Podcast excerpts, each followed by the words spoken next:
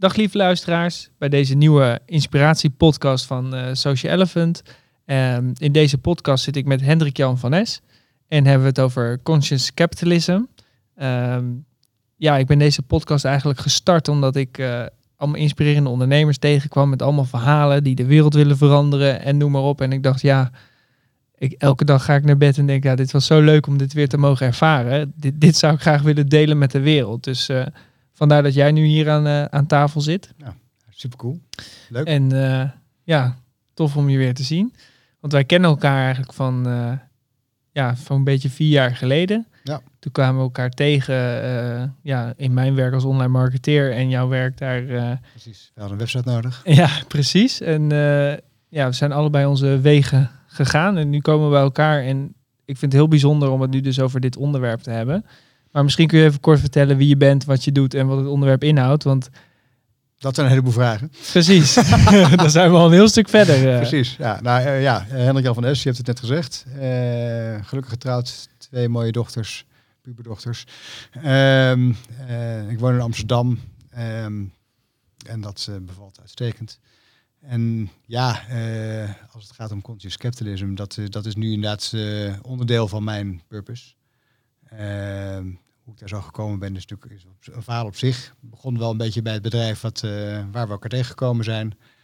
Ehm, zien dat, daar, dat ze daar een prachtig product hadden, wat, ja, waar de wereld echt een beetje beter van werd. Maar ik was er toch niet gelukkig. ik ben toen een coachingopleiding gaan doen. Cool kwam er toen eigenlijk achter dat nou ja, cultuur binnen een bedrijf, hoe mensen met elkaar omgaan, dat dat eigenlijk wel het, toch het belangrijkste is om iets op een goede wijze te laten draaien. Het product is fantastisch en dat is ook een belangrijk onderdeel. Maar als op het moment dat ze de, de manier waarop je met elkaar omgaat en hoe je, hoe je het met elkaar, wat je met elkaar wil bereiken, als dat niet helder is, dan gaat dat niet zoals het moet. Uh, dus daar ben ik verder ingedoken. En zo ben ik onder andere inderdaad bij Conscious Capitalism uitgekomen.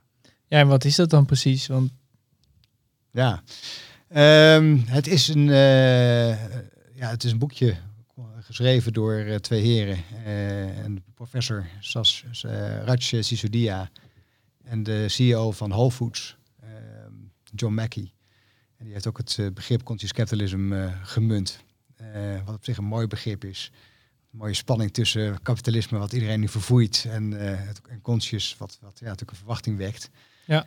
Uh, van mij mag het ook best conscious capitalism heten, maar in Nederland en Europa is, is ja, kapitalisme, daar, daar wordt, wordt iedereen gaat naar de haren, in ieder geval te veel mensen gaan naar de haren van overeind staan. Mm -hmm. Dus wij noemen het conscious business. En ik denk dat dat prima is, want we zijn in veel opzichten ook echt verder dan Amerika. Zij hebben het in een, een mooi model gegoten met een mooi verhaal eromheen. En ik denk inderdaad dat het heel bruikbaar is om bedrijven op een hele goede manier verder te kunnen brengen. Ja, want je zegt uh, het is anders dan het kapitalisme. Ja. Maar wat is er dan anders? Wat, wat... Ja, wat, ja, heel veel dingen zijn we vergeten of zijn we anders gaan doen. Dus heel veel dingen zijn wel, deden we vroeger al wel goed. En ondertussen hebben we het, zijn we wat verkeerd gaan doen. Uh, wat we al een keer, wat ik al net noemde toen wij even hierover spraken. Uh, er was een tijd dat Philips het heel normaal vond dat ze inderdaad uh, sportscholen voor PSV, wat dan ook voor hun, voor hun werknemers oprichten, winkels waar ze de goede producten konden kopen, de kinderen van hun werknemers konden gaan studeren. Ja, en daarna is, is het toch met name aandeelhouderskapitalisme geworden. ja. Met alle gevolgen van dien. Dus niet meer zorgen voor je werknemers. Het is veel belangrijker dat er geld gemaakt wordt. En het mag, het mag blijkbaar ten koste van alles. Ook al zeggen ze we moeten binnen de regels blijven. Maar de regels, iedereen weet ze natuurlijk uh, te ontduiken. Uh, met alle, alles wat we aangericht hebben. Mensen, nou ja, human resource, de term zegt het al. Mensen was een, een resource geworden. En als ze niet meer nuttig waren, moesten ze weg. en dat, dat, ja, überhaupt, ook als het inderdaad gewoon gaat om geld, bonussen, de hele systemen die er ontstaan zijn. Het heeft, ik denk dat we allemaal de uitwassen kennen. En het grappige is dat op het moment dat je conscious capitalism toe gaat passen, en het onderzoek wat ook gedaan is, bedrijven die dus zorgen, dat is de kern, voor al hun stakeholders, voor iedereen die bij, het, bij hen betrokken is. En dat geldt dus voor de aandeelhouders nog steeds. Ja. Maar ook voor milieu en samenleving en alles wat erbij hoort. En, die doen het beter dus dan hun conventionele uh, concurrenten.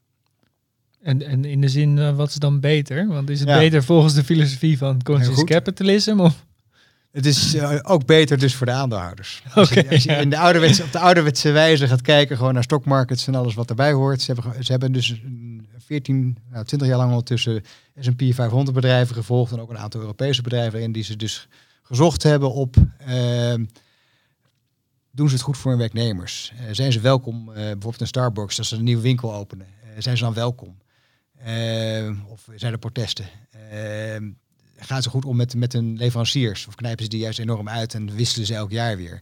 Eh, dus ze hebben eigenlijk een lijstje gemaakt van bedrijven die al dat soort dingen redelijk goed deden. Eh, ook wel hebben ze een purpose, hebben ze een, een doel, een hoger doel. En vervolgens zijn ze gaan kijken hoe doen die bedrijven het eigenlijk financieel. En de verwachting was niet zo hoog. Want ze betalen hun werknemers beter en ze knijpen hun leveranciers niet uit. En ze investeren in, in sociale projecten of, of eh, proberen hun footprint te verkleinen. Dus er zal wel weinig geld overblijven voor de aandeelhouders. Nou, tot, tot een grote verrassing eh, bleken ze dus echt heel veel beter te doen. En over die periode, dat is dat, eh, nou, wat ik paraat heb, van 2004 tot 2019, deden ze tot 14 keer beter dan hun concurrenten. Eh, of gemiddeld was dat zelfs. Eh, en dat is natuurlijk een belachelijk getal. Ja. Eh, en dat maakt ook, denk ik, dat het mogelijk is om dit op deze wijze door te voeren. Ehm, alleen het blijkt niet zo makkelijk. Dus financieel beter Ja. daarin. Ja.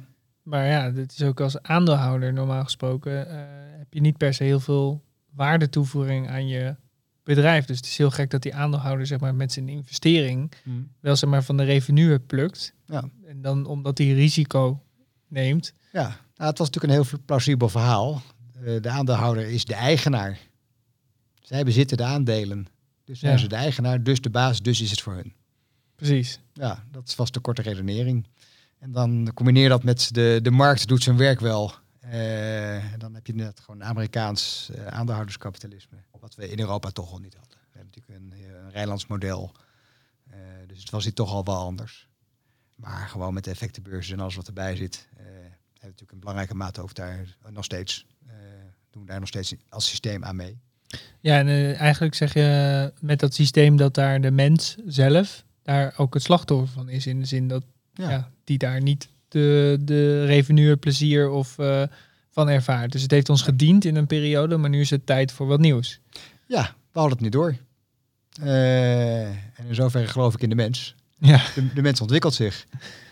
Ja. Er was een tijd dat slaven het normaal vonden dat er slaven waren. En op het moment dat zij geen slaaf meer hadden, hadden kochten ze zelf ook slaven. Dat was het systeem, dat was normaal. Eh, we vonden het een tijd ook normaal dat vrouwen geen stemrecht hadden. eh, of überhaupt bes- zelfbeschikkingsrecht. Eh, ja, precies. nou, dat doen we niet meer. Eh daar zijn we en kolonialisme, dat was ook heel lang normaal. En je ziet dat onze ethische standaard steeds hoger wordt. Eh ik bedoel, met MeToo, met eh, Black Lives Matter. eh, we schuiven echt op naar een hoger bewustzijnsniveau.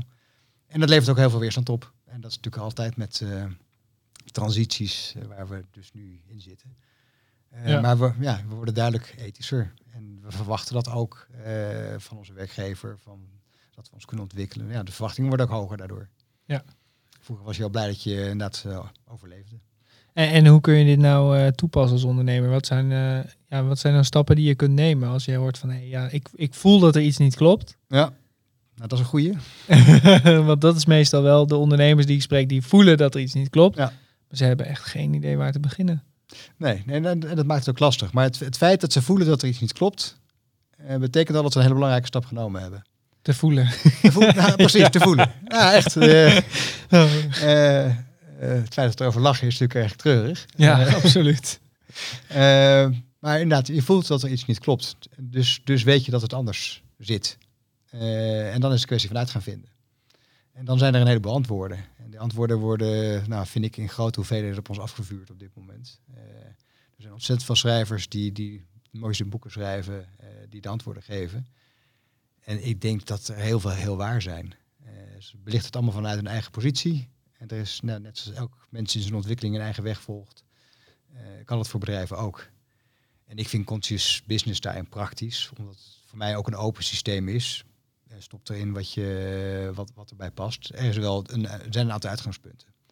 En misschien is het handig om dat, eh, om dat te benoemen. Ja, cool.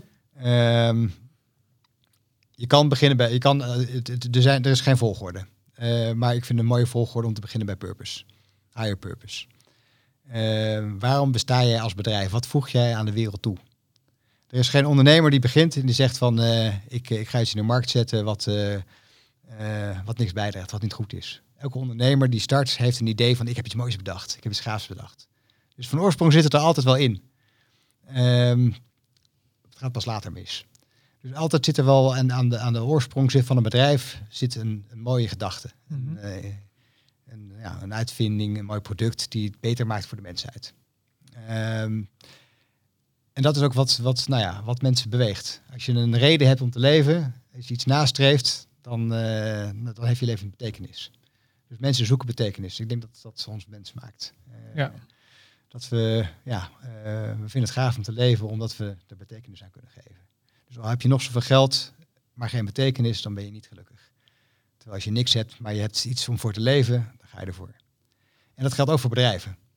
Ehm, dus als jij voor je bedrijf kan, kan aangeven van, nou, dit, dit is waarom wij bestaan. Dit is waar wij de wereld een beetje beter maken. Of misschien wel een stuk beter. Eh, en zeker als je dat uitdagend maakt. De Big Harry eh, Goal. De Big Harry Audacious Goal. Exactly. nou ja, daarmee krijg je dus mensen wel eh, gaande. Dat daagt uit. En, en als het spannend is, nou ja, dan heb je ze op hun, op hun tenen. En dan, dan zijn ze uitgedaagd, dan zijn ze wakker.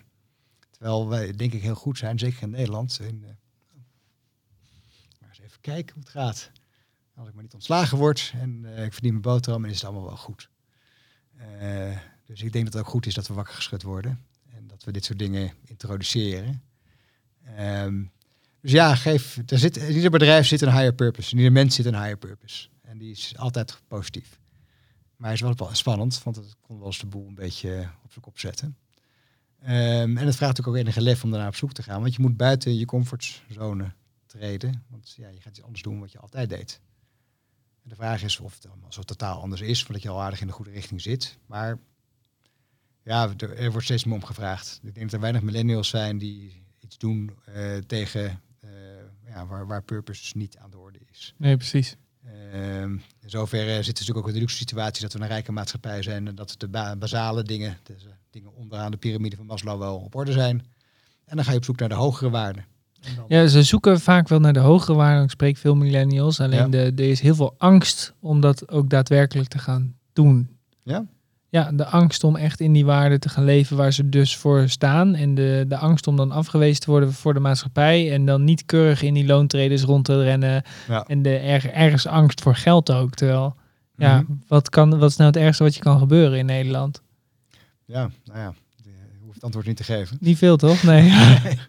dus ja, dan kun je maar beter proberen, toch? Maar Ja. goed, anyway. Nou ja, dat zegt alles over het systeem wat we met elkaar opgezet hebben. Eh, wat dus heel dwingend is.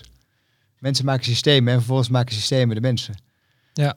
Eh, en waarschijnlijk moeten ze inderdaad nog een paar keer enorm gefrustreerd op hun bek gaan. eh, noem maar op wat er is. Om te zeggen van ja, fuck it. En nu ga ik doen wat ik wil. Ehm, en dan, mag het, en dan, dan kunnen ze het laten gebeuren. En dan komen, van alles vrij. Ja, want dat valt dan op aan de millennials. Ik ga niet te ver over uitwijken. Maar wat wel opvalt is dus dat de erkenning van het sociale systeem om zich heen... Ja.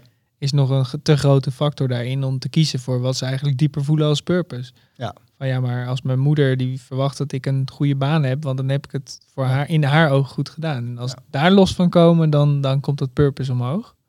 Nou ja, dat betekent dus eerst dat je die waarde daaronder eh, Ja. Los moet laten. Wat een belangrijk, het is mooier dat je het zegt, want het is een zo'n eh, belangrijk, eh, daaronder zit die de waarde. Wat beweeg je nou eigenlijk? Wat is voor jou belangrijk? En heb je die meegekregen en zijn ze eigenlijk door je strot geperst? Ja, precies.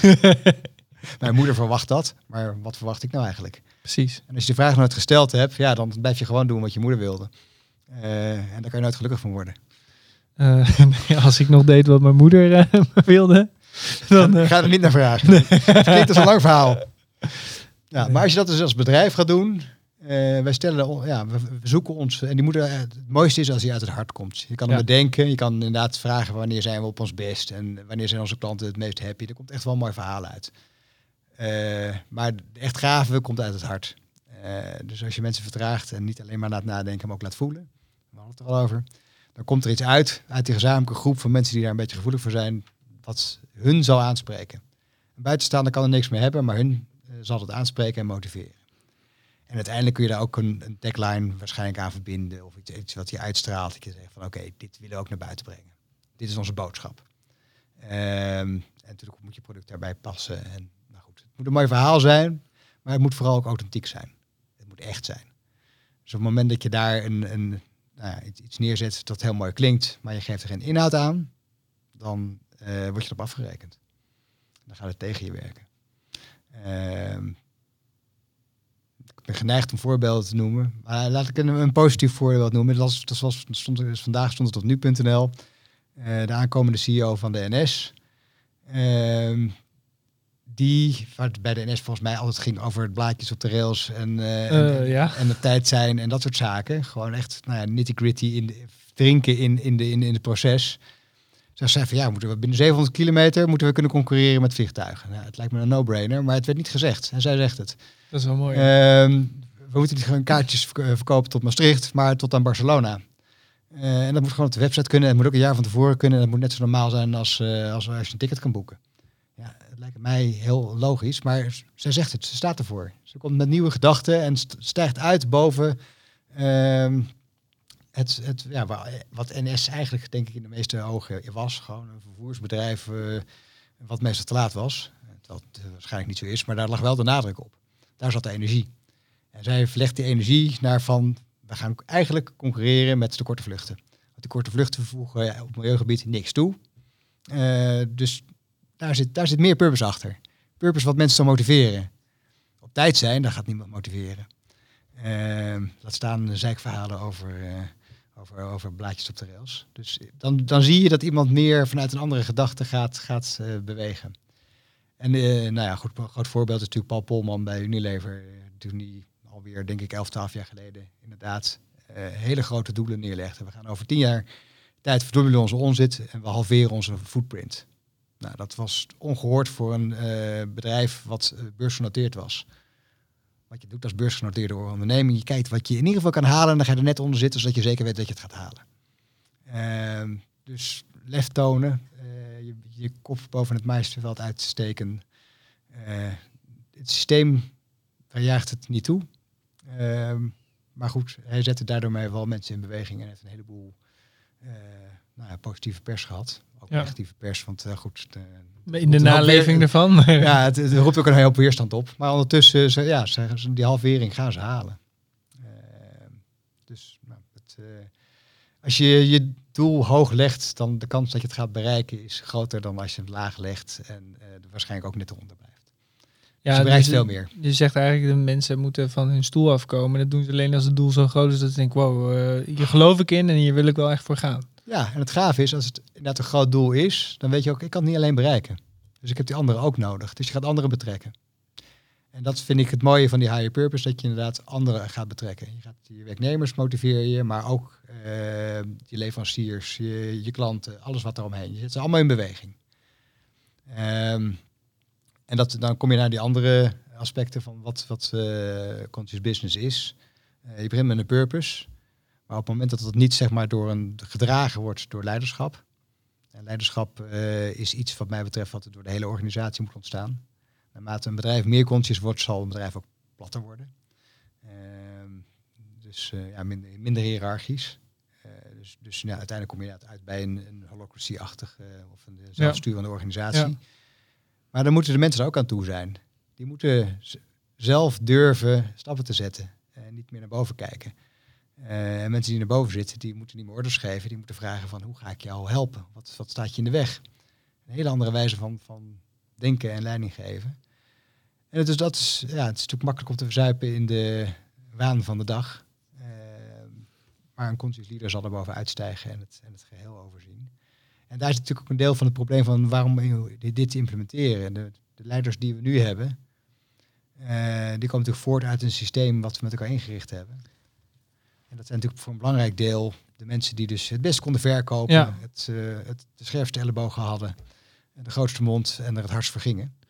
Ja, en het lastige daarbij wel, in, als je kijkt naar de Nederlandse cultuur, is dat ook uh, heel veel ondernemers hier die doen dienstverlening, ja. B2B. Ja. En je bevindt je dus ook in een omgeving waar jouw klant ja. uh, anders denkt dan in die higher purpose. Ja. Dus het kan best zijn dat je dan je een hele open cultuur voor medewerkers creëert en heel veel synergie en continuïteit en openheid, zeg maar. En dan komt de klant. Ja. Dus dat is ook wel een interessant eh, veld om daarbij eh, te noemen. Dus dat Ja, nee, een- dat, dat veld de stakeholders. En stakeholders Juist. is, is, is, eh, zijn je werknemers. ja, En je klanten en je leveranciers en de overheid of eh, de, je omgeving. Eh, dus alles, eigenlijk alles wat bij direct en indirect bij je bedrijf betrokken is. Ja, maar dan is de vraag ook, heb je wel de juiste klanten? Want als die niet bij dat... Nou ja, eh, dat is een hele reële vraag. Ja, dat, het kan zijn dat je inderdaad door te zijn wie je was, de klanten hebt getrokken.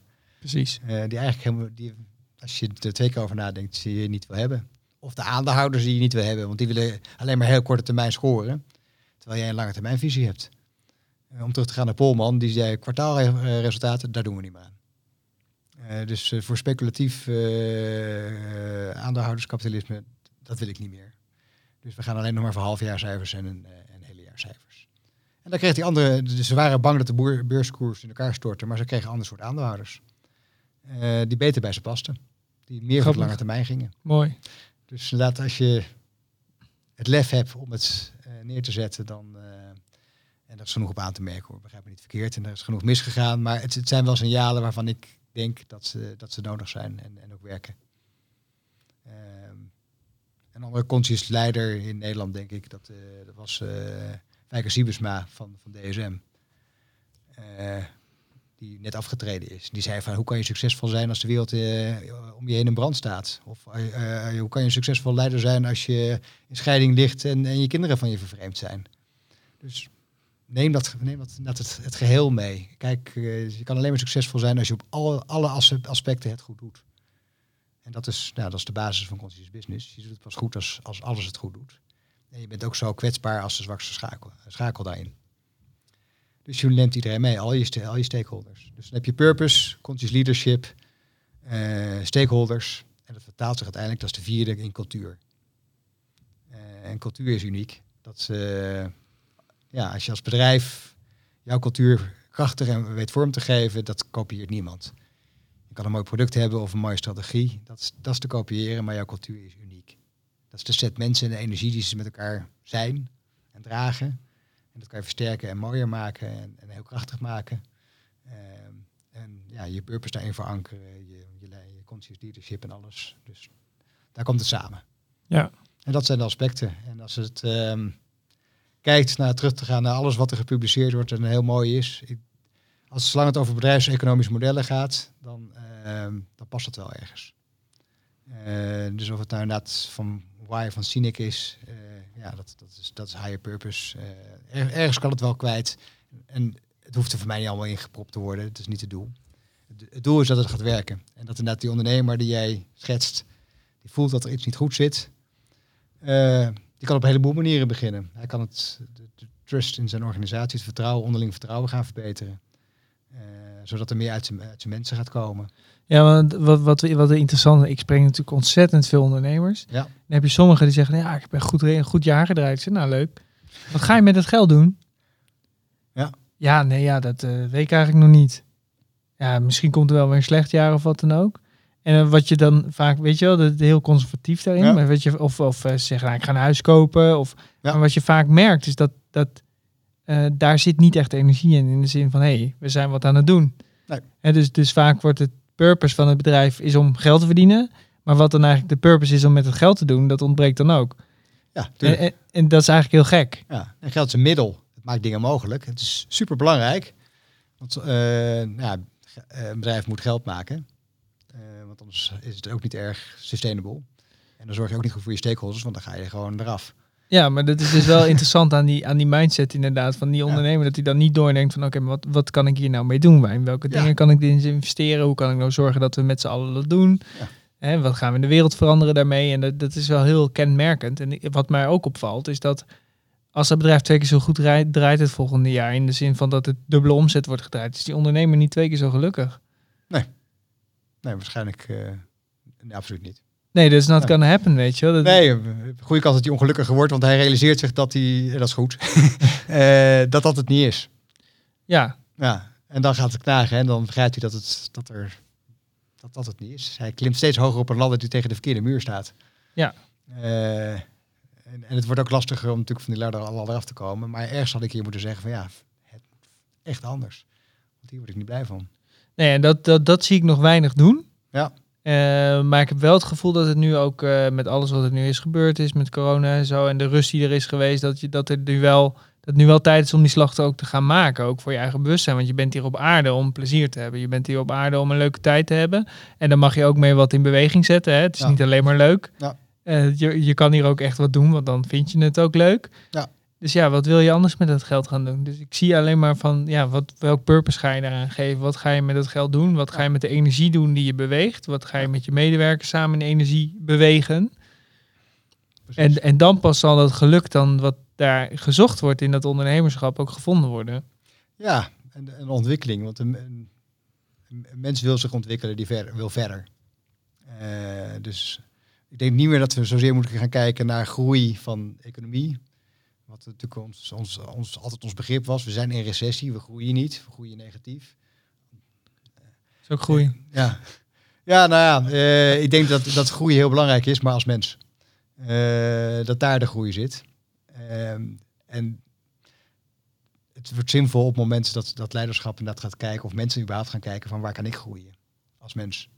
Eh, daar, daar zitten de kansen. En als we inderdaad zich realiseren dat er, dat er meer mogelijkheden zijn, dan wordt het interessant.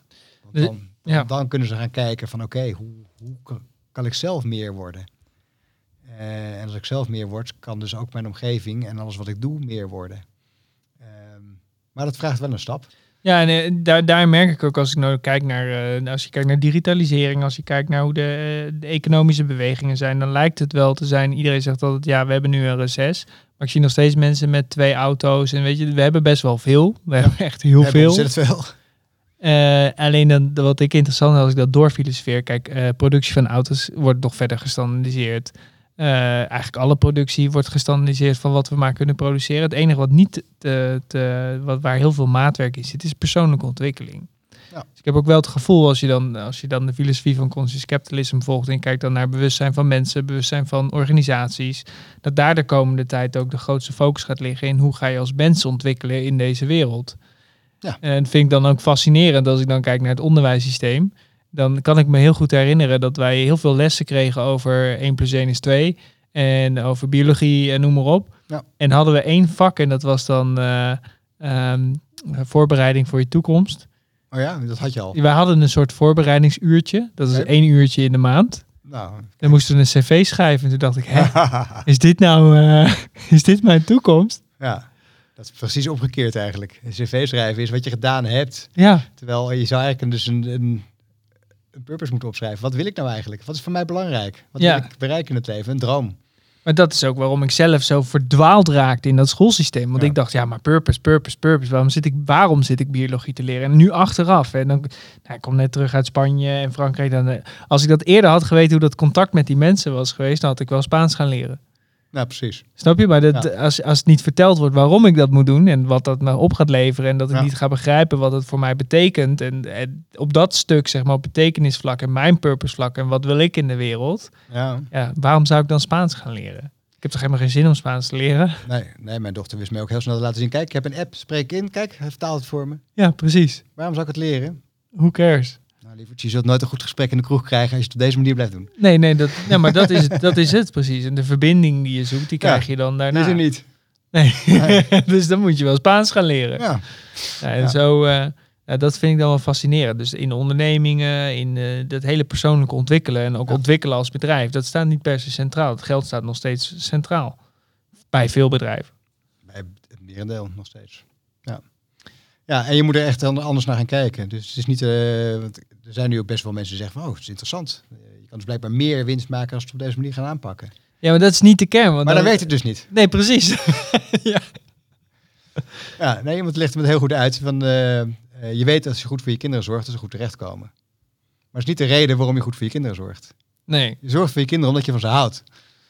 ja. En daarom doe je goede dingen voor ze en komen ze goed terecht. Ja. En wat ik dan nog interessant vind als het gaat over het zorgen voor kinderen. Ja, Zorgen klinkt best wel... Soms, zorg is ook soms de ruimte geven om eigen fouten te maken. zeker. Hè, dat is, Ja. dat is de, Ja. de nuance in dat soort dingen is gewoon heel belangrijk. Ja, nou ja, daar over, over een mooi boekje gesproken. Eh, Care to Dare. Geef ze die veilige omgeving om fouten te kunnen maken. Dat geldt ook voor bedrijven. Mensen, medewerkers, ja. Ja, ehm, eh, ook de regel, 50% van de dingen die je, moet, die je doet, moet 50% kans hebben om te mislukken.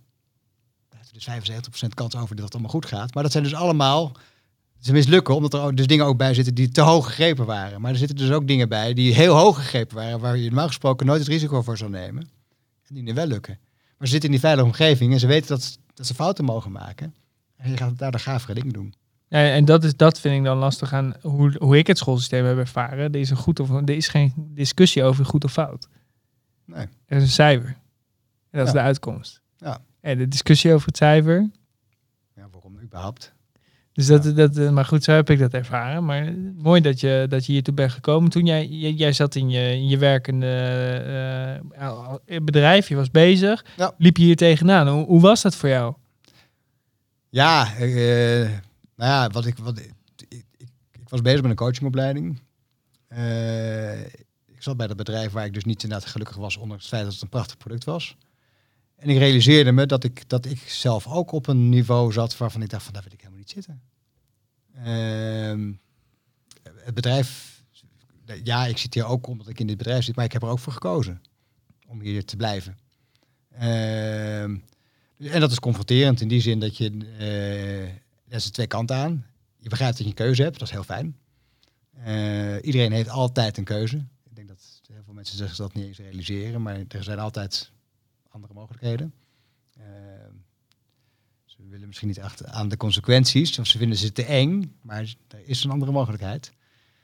En dat is voor mij ook zo gelopen. Ik bedoel, ik, ik, ik pas er niet meer bij dat bedrijf. Ehm, of het bedrijf niet meer bij mij. Maar in ieder geval, de match was weg. Eh, en ik wilde eigenlijk, wat ik eh, wilde, was bedrijven inderdaad naar een hoger bewustzijnsniveau gaan tillen. Eh, ziend dat dat dus de oplossing was. Eh Conscious Capitalism bedrijven, ik heb het, ik heb het beschreven, die, eh, die maken meer winst. Eh, ze zijn succesvoller, maar ze zijn succesvoller voor al hun aandeelhouders, voor al hun stakeholders. Ehm, ook voor mi- milieu en ook voor de maatschappij. Dus uiteindelijk, nou ja, het, het klinkt bijna, het klinkt erg soft, maar het je wordt een helende organisatie. Je heelt je mensen die voor je werken. Je probeert ze naar een hoger niveau, eigenlijk probeer je ze gewoon te ontwikkelen. Eh, maar ook, je probeert je footprint eh, positief te krijgen in plaats van negatief. Ehm, je probeert producten te leveren aan je klanten waar ze echt wat aan hebben. Eh, dus het gaat, het gaat naar een heel ander niveau. En ondertussen doe je het beter dan je conventionele concurrenten. Dus ik denk dat het een oplossing is voor heel veel problemen die we hebben. Als je bedenkt ook dat be- bedrijven en organisaties kan je er ook bij betrekken. Volgens mij meer dan 80% is van, van wat de wereld doet. Dan is hier veel te halen. Eh, het kan veel brengen. En, en wat doe jij daar nu in? Want je zegt begeleiden van bedrijven. Wat, wat is jouw gedachte daarin? Ja, nou ja, één wat jij heel terecht zei van en nu, Eh, waar begin ik?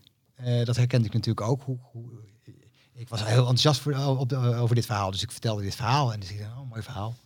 Ja, precies. Laat me zien. Nee, niet eens. Dan heb je ze in ieder geval getriggerd. Dus ik vond het een mooi verhaal en ik vond het wel in- inspirerend. Maar vervolgens eh, niet wetend waar te beginnen, eh, wat ermee te doen. Of, of wat je ook wel heel veel ziet, eh, er zijn heel veel mensen en bedrijven die zeggen, maar we doen al zoiets. We zijn al NVO of eh, we hebben een SDG geadopteerd. We geven een percentage van onze winst aan een goed doel, dus wij zijn er al. Maar dat is het grote verschil. In zoverre, het is een, het is een bedrijfsmodel. En dat, dat maakt het anders dan heel veel andere inzichten, vind ik. Het een maakt het ander mogelijk. Op het moment dat jij met je stakeholders een win-win relatie aangaat, eh, dat betekent vaak dat je dus bijvoorbeeld met je leveranciers een lange termijn relatie aangaat. Vanuit de gedachte van ik ga jou succesvol maken en jij mij. Eh, terwijl als je elk jaar wisselt, ja, dan gaat hij jou geen, ga je niet, eh, gaat hij niet, één, niet zijn best voor jou doen. Hij gaat al helemaal niet innovaties met jou delen. Of dat je samen gaat innoveren. Het is niet aan de orde. Maar op het moment dat je op een andere manier met ze omgaat en een lange termijn relatie met ze aangaat, dan komen die dingen wel. Dus dat betekent dat je, dat je betere producten gaat maken. En je hebt al gemotiveerde mensen bij je zitten, want je hebt een purpose benoemd. Dus die gaan er wel voor. En dan hebben ze ook nog betere producten. En die klanten die, die, zien, ja, je communiceert op een bepaalde manier die purpose. Die, die krijgen die betere producten. En die hebben die mensen waar ze mee te maken hebben, die veel enthousiaster zijn en, en echt geïnteresseerd in ze zijn. Ja, zo'n bedrijf gaat als een speer. Ehm, en daarmee, als ze, ze gaat natuurlijk ook stakeholders, leveranciers, ze zeggen van ja, jij moet ook zo gaan werken. Of in ieder geval, het zou fijn zijn als je ook zo gaat werken. Of die zien dat het zo gaat werken. Denk ik, dat is goed voor mij ook. En zo krijg je die olievlek. En ik denk dat we op die manier de wereld kunnen verbeteren. Dus daarom hebben we Conscious Business Nederland opgericht. Om dit gedachtegoed uh, en te onderzoeken en te communiceren en uit te leggen van waar je kan beginnen. En dus is bijvoorbeeld een activator van, nou ja, sta, waar je kan zien waar je staat en wat dan de, eerste stappen kunnen zijn. Um, dus ja, daar, kan je het zelf van uitzoeken of we kunnen je mensen aanraden die, uh, die daar verder in kunnen. En voor mijzelf, mijn rol, um, ik vind leiderschap daar heel interessant. Want op het moment dat mensen niet dit kunnen voordoen, niet authentiek daarin zijn, als ze zeggen van ja, we hebben een mooi verhaal, maar ondertussen doet die tegenovergestelde, dan, uh, dan wordt het niks. Dus het is heel belangrijk dat die, nou ja, die mensen die jij beschrijft, van het voelt niet goed, um, kunnen gaan vinden wat wel goed voelt.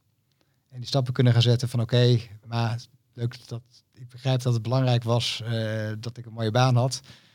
En waarschijnlijk heeft die moeder altijd gezegd, ja, maar ik wil maar één ding voor jou, dat je gelukkig werd. Uh, en dat heb jij geïnterpreteerd, dat is een goede baan. Dus waarschijnlijk is dat gesprek nooit geweest. Dus waarschijnlijk staat die hele gedachte nergens op. Maar je hebt hem nooit gechallenged, dus hij blijft daar.